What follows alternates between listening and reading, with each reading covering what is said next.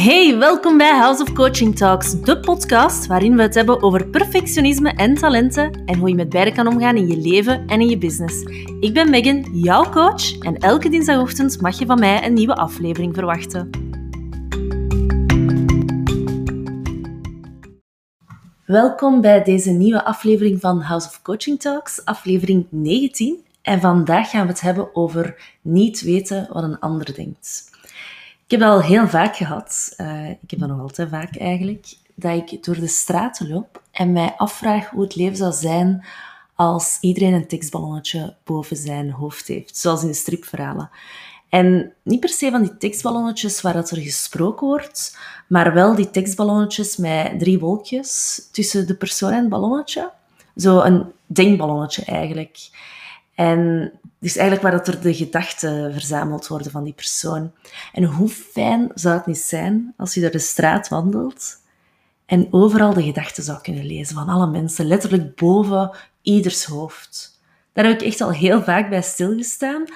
Maar langs de andere kant, het zou ook een gedoe zijn. Elk sprankeltje mysterie zou weg zijn, elk stukje privé ook. Um, want ja, ook als ik iedereen zijn gedachten zou kunnen lezen, zou iedereen mijn gedachten kunnen lezen. En het zou misschien toch wel een beetje too much zijn. Dus als ik weer eens aan die, die denkballonnetjes denk... Denkballonnetjes denk... ik heb veel tongtwisters, wauw.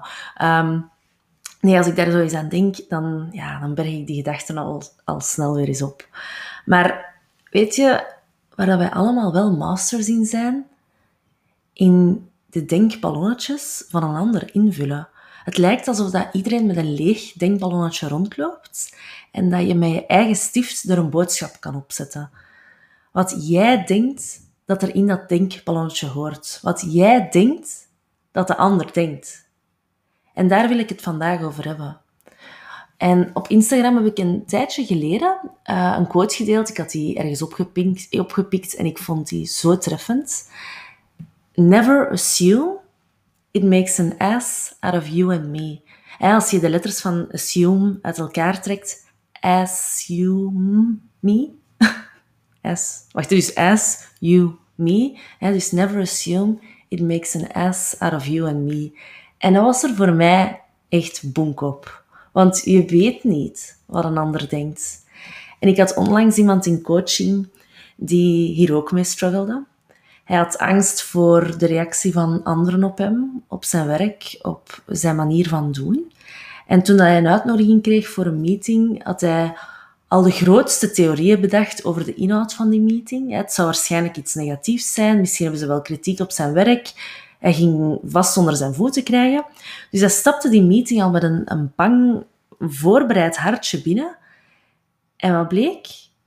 Alleen maar positiviteit een persoonlijke mededeling van een collega, een pluim voor zijn werk en dus absoluut niks om zich zorgen over te maken. Maar hij is daar ook geen uitzondering in. Hij is, hij is daar een mooi voorbeeld van, maar hij is daar zeker geen uitzondering in.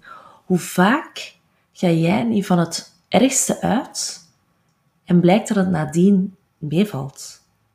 Het lijkt alsof we onszelf willen beschermen tegen het allerergste, zodat we kunnen anticiperen en voorbereid zijn, maar uiteindelijk blijkt het wel bijna elke keer mee te vallen. En dat is prima, jezelf voorbereiden of, of anticiperen. Dat zet je op scherp en dan kan je effectief snel schakelen als, als het iets ergs is. Maar ons hoofd geeft op dat moment signalen aan ons onderbewuste dat er iets ergs gaat gebeuren. En heel je lichaam gaat in survival-modus of in strijdmodus. Plots hoor je en zie je rondom jou alleen maar dingen die jouw gedachten over bijvoorbeeld ja, die vergadering, dat die dat versterken. Een opmerking in de gang, een collega die fluistert, noem maar op. Je zal signalen of tekens gaan zoeken die die gedachten bevestigen. En dat geeft stress. Dat geeft onbewust stress. En omgekeerd is dat ook zo. Als er iets gebeurt of gezegd wordt en, en je blijft maar malen, piekeren eigenlijk over wat er gezegd of gebeurd is, jij maakt jouw beeld van die situatie en blijft erin hangen. Ik was vroeger, en soms uiteraard ook nog altijd, een, uh, een hele grote piekeraar. Ik kon thuiskomen van ergens en mijn hele dag bleef ik dan s'avonds afspelen met alle mogelijke scenario's en, en gevolgen van wat er gebeurd was. Wat dacht die ene persoon? Wat zou die kunnen denken? Wat zou er kunnen gebeuren als die denkt? Allee, of als die die bepaalde gedachten heeft. En ik wilde op alles anticiperen, nog, nog recht trekken voordat er werkelijk iets gebeurd was. En wat mij toen heel erg geholpen heeft om los te laten, want daarover gaat het, hè, loslaten, is één zin. Eén stom onnozel. En nee, ik mag het eigenlijk niet stom en onnozel noemen, want ik, dat is echt mijn mantra geworden. Eén zin die mijn zus ooit uitgesproken heeft. En zij zei ooit tegen mij, Megan, je moet de onwetendheid leren verdragen. En die kwam binnen. Die kwam echt binnen. Ik heb die zin opgeschreven. Die ligt op mijn nachtkastje, maar die zit ook in mijn geheugen gegrift, want die ga ik nooit nog vergeten. De onwetendheid leren verdragen. En ik kan dat vandaag nog hebben, dat ik na een coachingsessie probeer in te schatten wat het teweeg heeft gebracht bij mijn coachie en dat ik probeer in te schatten wat wel is binnengekomen, wat niet. Maar dat is onbegonnen werk, want ik kan niet voor een ander denken. Ik zou het graag kunnen, maar ik kan het niet. Ik kan het niet, tenzij dat hij het luidop zegt wat dat hij denkt natuurlijk. Maar ik kan niet weten wat die persoon denkt en wat wel binnenkomt en wat niet. Dus na elke coachingsessie beslis ik ook voor mezelf dat ik de onwetendheid verdraag. En verdragen is een, een woord dat hier zo perfect bij past. Verdragen zegt dat het eigenlijk niet leuk is, het bevestigt mijn gevoel dat ik het wil weten, maar het niet weten, dat het niet kan. En dat ik het beter loslaat. Dat ik het beter verdraag. Dat ik de controle loslaat over iets waar ik geen controle over heb. Over de ander zijn gedachten. Dus als jij nog eens zit te piekeren over iets wat er gebeurd is, of, of anticipeert op een situatie die nog moet komen, weet dan dat je niet in het hoofd van een ander kan kijken. Niemand kan dat.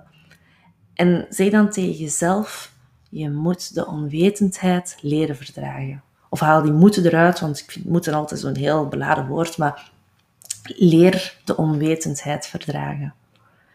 Want ja, dat is ook zoiets. Hè. Niemand van ons ziet de werkelijkheid of de wereld zoals die echt werkelijk is. Niemand kent de werkelijke wereld. Je hebt alleen jouw beeld van de wereld, jouw model van de wereld, hoe dat de wereld zich aan jou toont. Want we kijken allemaal door een bril. En die bril is onze filter van de realiteit. De filter waardoor dat we informatie doorkrijgen. En die filter is opgebouwd uit jouw unieke verzameling van ervaringen, van, van kennis, van dingen die gebeurd zijn, van gedachten en meer. En die is voor iedereen uniek en anders.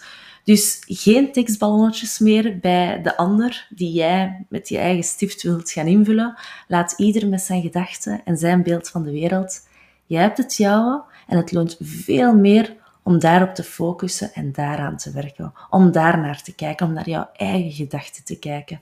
En wil je hier graag meer over weten of wil je graag werken aan je persoonlijke ontwikkeling om een betere versie van jezelf te worden, waarvan je misschien niet wist dat je dat in je hebt? Check dan zeker mijn website houseofcoaching.be of op Instagram houseofcoaching.be.